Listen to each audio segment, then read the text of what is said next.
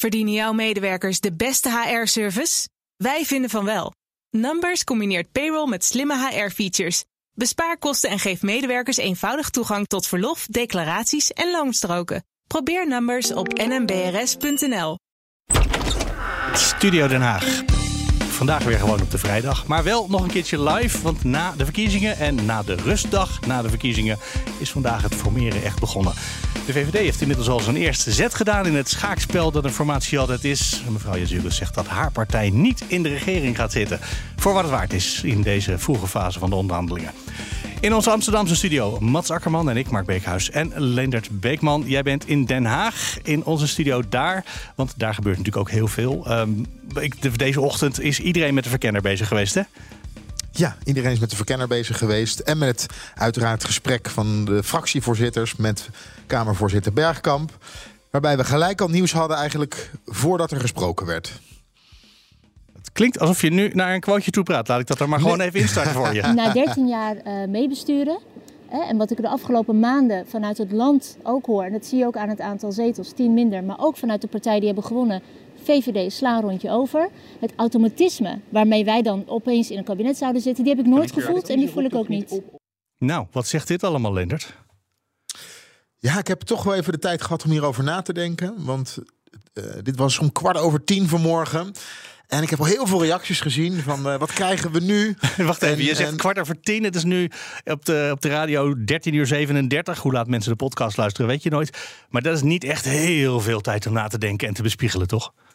Nou, zo ingewikkeld is de gedachte niet die ik nu heb. Maar ik heb veel reacties gezien waarbij gezegd wordt: wat doet de VVD nu? Ja. Maar eigenlijk is het toch niet zo gek. Want uh, vorige week bij Sven Kokkelman um, heeft Jezielkes gezegd... ik ga niet in een kabinet onder premier uh, Wilders... Ja.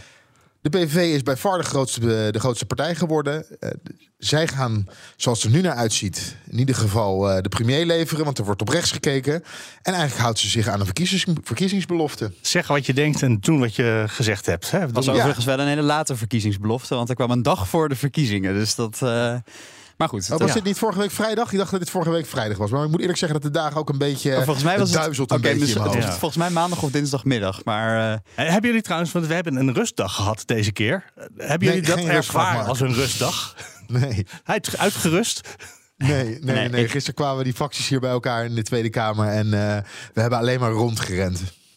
Ja, volgens mij gebeurde er meer dan anders op zo'n uh, eerste dag na de verkiezingen, Mats. Ja, want normaal um, was er dus uh, gelijk de dag na de verkiezingen het fractievoorzittersoverleg onder leiding van de voorzitter van de Tweede Kamer.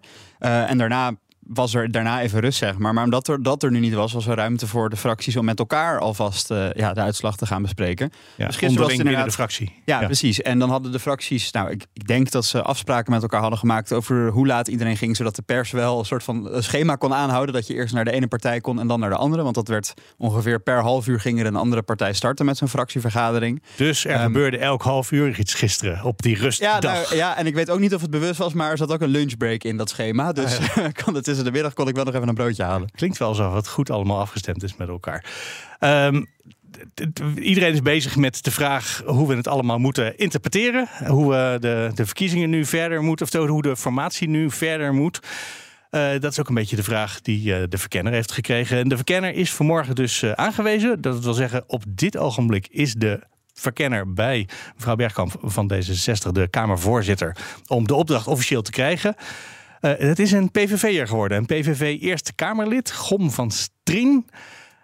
Uh, ja. Leendert, Mats. Ja, Mats, heb je ooit van hem gehoord tot vandaag? Ja, zeker. De naam ken ik. Uh, van gewoon van de Eerste Kamerleden. Je, die namen die lees je allemaal wel eens. Ik zou niet een wapenfeit van hem kunnen noemen. Maar ik heb bij het ANP gekeken. er was één berichtje over hem. Maar het ging eigenlijk over een lijst waar iemand anders in de kop genoemd werd. En hij ook wel eventjes. Ah ja, nou goed. Hij, is, hij, hij zit ja. al lang in de Eerste Kamer, sinds 2011. Dus uh, hij heeft al vier keer uh, via Eerste Kamerverkiezingen een plekje gekregen. Um, en het is wel interessant dat hij dus inderdaad nog politiek actief is in de Eerste Kamer. En bovendien, hij was lijstduwer ook nog. Uh, want hij stond op plek 45 van de kandidatenlijst voor de Tweede Kamer bij afgelopen verkiezingen. Hij zou, als hij dat wil, en als de Tweede Kamer fractie nou ja, van de PVV het goed vindt... gaan 37 zetels halen. Dus als er nog wat mensen minister worden... en nog wat mensen misschien toch tussentijds vertrekken... dan zou hij hypothetisch gezien de, de verkenner ook nog kunnen doorschuiven tot uh, Tweede Kamerlid. De vraag na de vorige formatie was om een een verkenner die wat grotere afstand had tot de dagelijkse politiek. En er was eerst al een soort woordspelletje wat ze vanmorgen gedaan hadden. Van de Eerste Kamer vergaat het alleen op dinsdag, dus dat is niet de dagelijkse politiek. Dat is maar één keer in de week. Maar eigenlijk de man staat zelfs op de lijst voor de PVV voor de Tweede Ja, Kamer. en wat ik, waar ik ook gelijk aan moest denken. eh, vorige verkiezingen was een van de twee verkenners, Annemarie Jorisma. Die zat Ook toen ook voor de. VVD in de Eerste Kamer als fractievoorzitter. Dus in die zin nog wel echt eh, dichter op de politiek. Omdat ze in die rol ook bij belangrijke overleggen zat.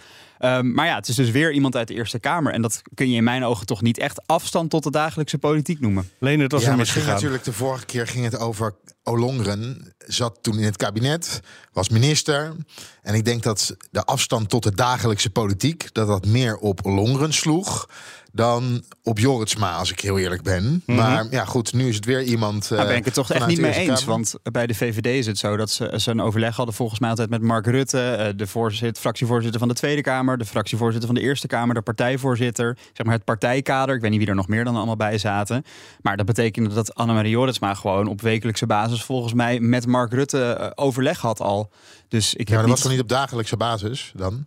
Ja, ja, dat, ja, dan maak je Ja, hetzelfde ja. woordenspel van als, eh, als dat ze vandaag Ja, zelf nou, doen. maar Ja. goed. eh, Ja, eh, De meeste, dat de meeste fracties gingen er ook in mee. Hè? Die zei, behalve Denk, die zei eh, dat kan niet, deze man. Maar ja, dit is gewoon het probleem van Denk met de PVV-partij. de anderen zeggen allemaal, wat is oké, hè? Er was nog één leuk momentje. We, we spraken Esther Houde, Ouwehand van eh Partij voor de Dieren. En zij had eh, Johan Vollenbroek aangedragen als, eh, Hm.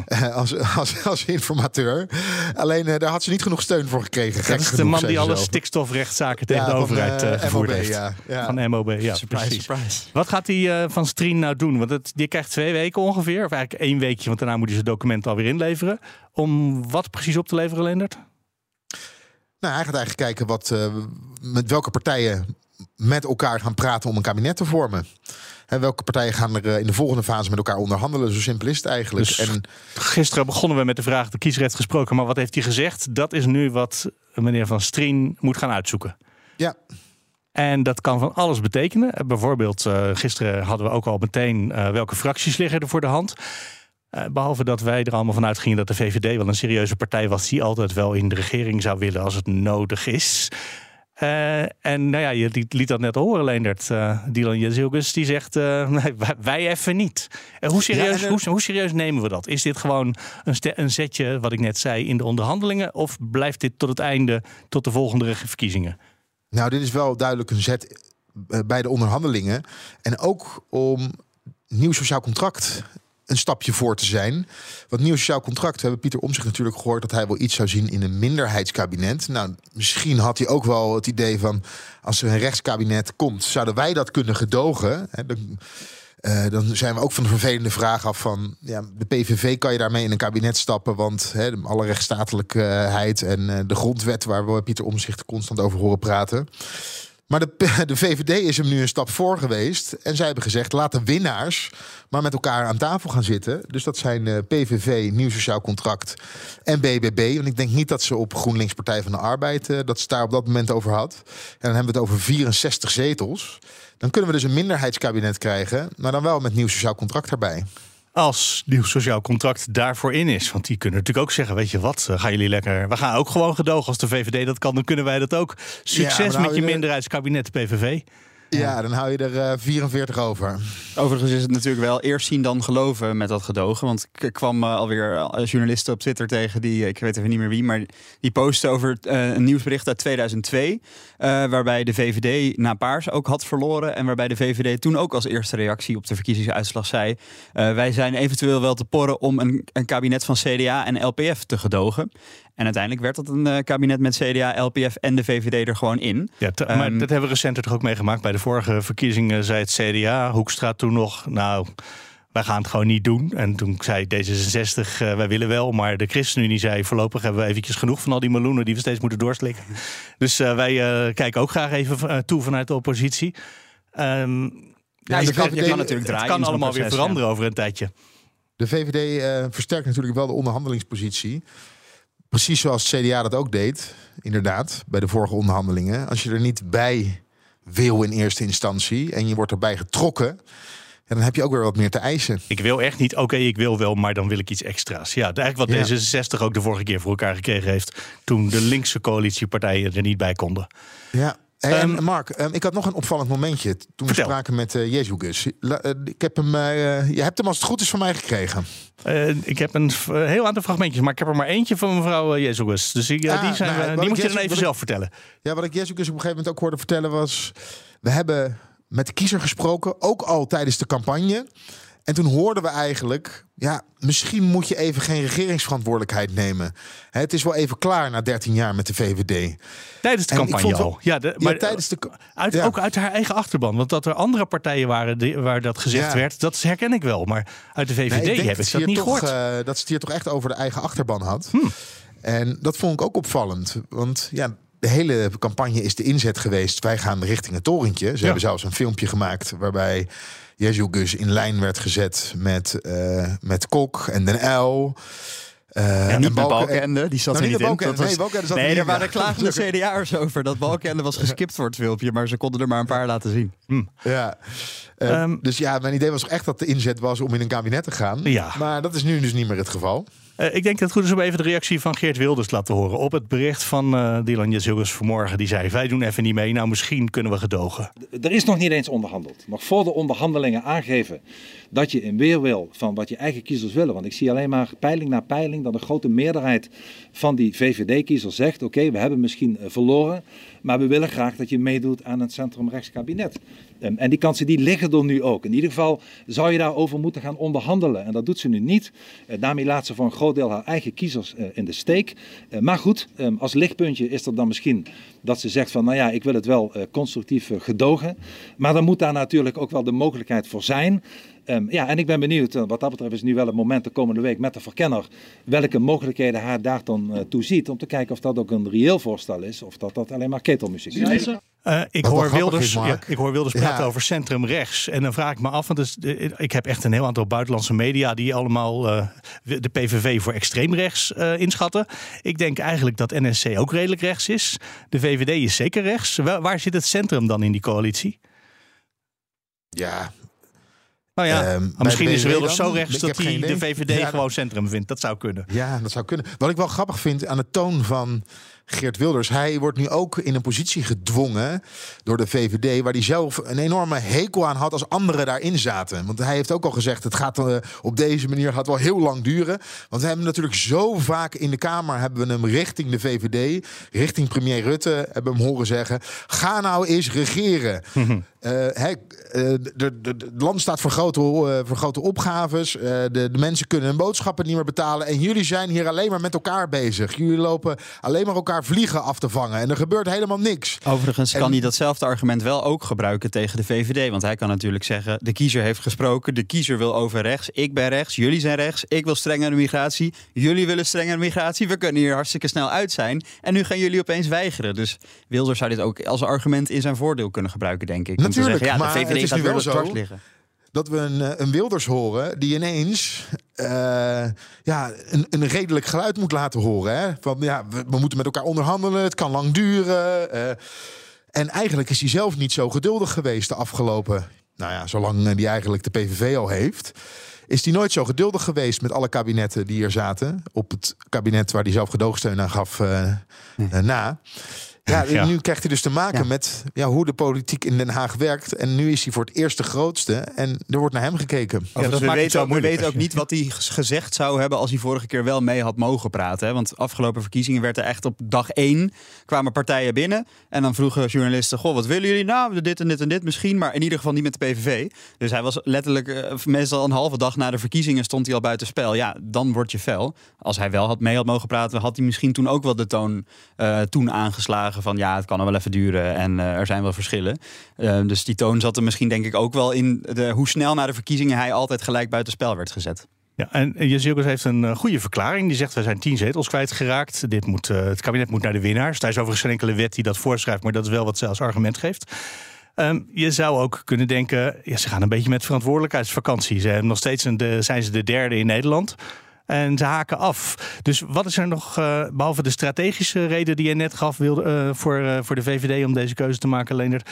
Wat zou inhoudelijk misschien ook de reden kunnen zijn dat de VVD even afstand houdt van de gedachte dat je met de PVV kan regeren? Nou, inhoudelijk, dan wordt er eigenlijk zowel door de PVV als Nieuw Sociaal Contract en de BBB wordt er gewezen naar hun belangrijkste verkiezingsthema, migratie. En dan zeggen ze, ja, nu mag je, je hebt het kabinet laten vallen op asiel. Nu kan je eindelijk op migratie stappen zetten, want dat willen wij allemaal. En nu ga je dus, zoals jij het noemt, op verantwoordelijkheidsvakantie. Ja, dat is een CDA-woord volgens mij. Maar goed, van lang geleden. Ja, ja maar dat, dat vindt iedereen eigenlijk heel gek. Want de belofte aan de kiezer van de VVD en aan de achterban was... wij gaan nu iets aan die instroom doen. Of ze denken bij de VVD... nou, we vertrouwen erop dat het in goede handen is... bij de drie andere partijen en wij gaan dat gedogen. Nee, dat kan als particuliere partij kan je dat nooit denken... dat de anderen het wel goed zullen doen. Ja, maar het is heel opmerkelijk, want... Ja, maar is het misschien gewoon de inhoud dat ze het op uh, migratie wel met elkaar eens kunnen worden, maar dat uh, de PVV een linkse partij is als het gaat om economie? Nou, ik weet niet hoe Mats hier naar kijkt, maar ik denk echt dat dit nu het, uh, het Meer de strategie is. is. Politiek is, is strategie. Ja, het is wel het schaakspel. En ik denk sowieso, uh, nog los uh, van inderdaad um, de strategie. Het zou ook gewoon heel raar zijn om een kabinet over rechts te hebben zonder VVD, waar je alleen dus PVV, NSC en BBB hebt. Al is het alleen al omdat die allemaal nog geen, nooit regeringsverantwoordelijkheid hebben genomen. Dus dat wordt heel raar om daar een hele ministersploeg uit samen te stellen. Met allemaal, ja, Mona Keizer bijvoorbeeld. Maar het, dat, het wordt wel een hele onervaren ploeg. Ja, maar het is ook een heel klein, een klein clubje dan. Hè? PVV, NSC en BBB is bij elkaar 64 zetels. En je hebt er 75 of eigenlijk 76 nodig. Dus oh ja, dat is waar. Mats, daar had ik helemaal niet over nagedacht. Er zit natuurlijk één iemand bij deze drie partijen die wel ooit in de treffenzaal aan tafel heeft gezeten. En dat is Mona Keizer. Die heb ik helemaal over het hoofd gezien. Wordt ze toch een sleutelfiguur? ja, dus de enige met ervaring. Heb ik net toch een foutje gemaakt eh, eerder vandaag op de radio. Want ik dacht, ja, zometeen komen ze die treffenzaal in met een nieuwe ministersploeg en met staatssecretarissen.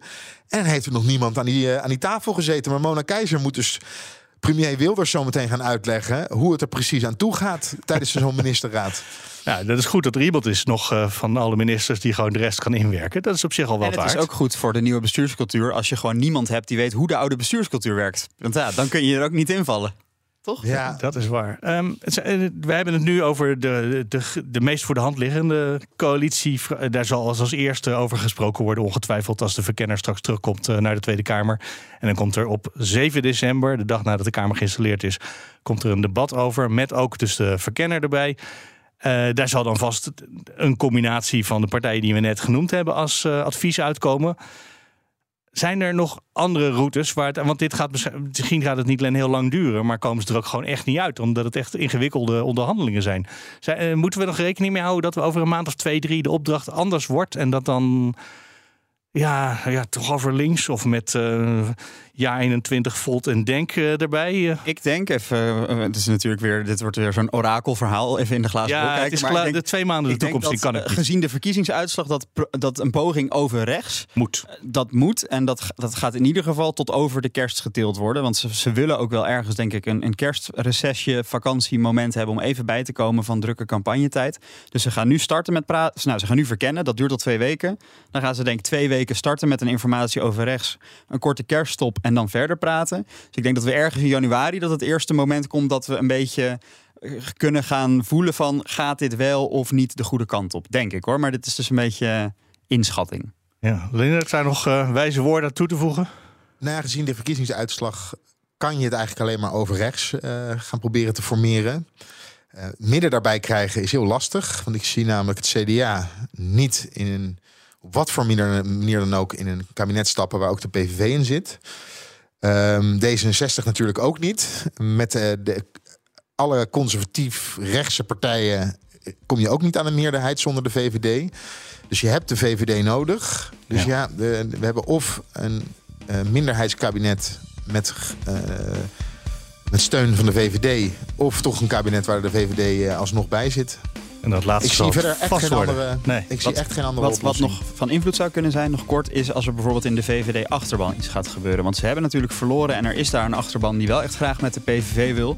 En zo'n leiderschapswissel maakt misschien dat hè, de gevestigde orde is eventjes afwezig. En dat de achterban zich daardoor vrijer zal voelen om kritiek te gaan leveren of vocaler te worden. En dat ze de VVD toch richting de PVV gaan duwen. Maar dat is iets wat we moeten gaan zien ook. Dat is waar we nu staan op vrijdag 24 november. Einde van Studio Den Haag voor deze week. Gisteren hebben we drie kwartier gemaakt. Vandaag een klein half uurtje. Je moet natuurlijk de mensen ook niet overvoeren met al die uren Mats en Leendert. Uh, Leendert Beekman, Mats Akkerman, ik ben Mark Beekhuis. Abonneer je even op de podcast, zeg ik altijd. En dat zou ik deze week nog aanraden dan anders. Want dan krijg je ook automatisch de politieke gesprekken uit de Daily Move elke dag aangereikt. Maandag tot en met donderdag. En volgende week vrijdag, dan maken wij de balans weer op van de dan afgelopen week. Heel graag, tot dan.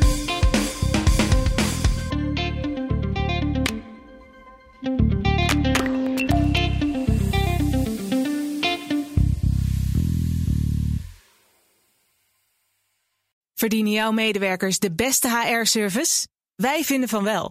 Numbers combineert payroll met slimme HR-features. Bespaar kosten en geef medewerkers eenvoudig toegang tot verlof, declaraties en loonstroken. Probeer Numbers op nmbrs.nl.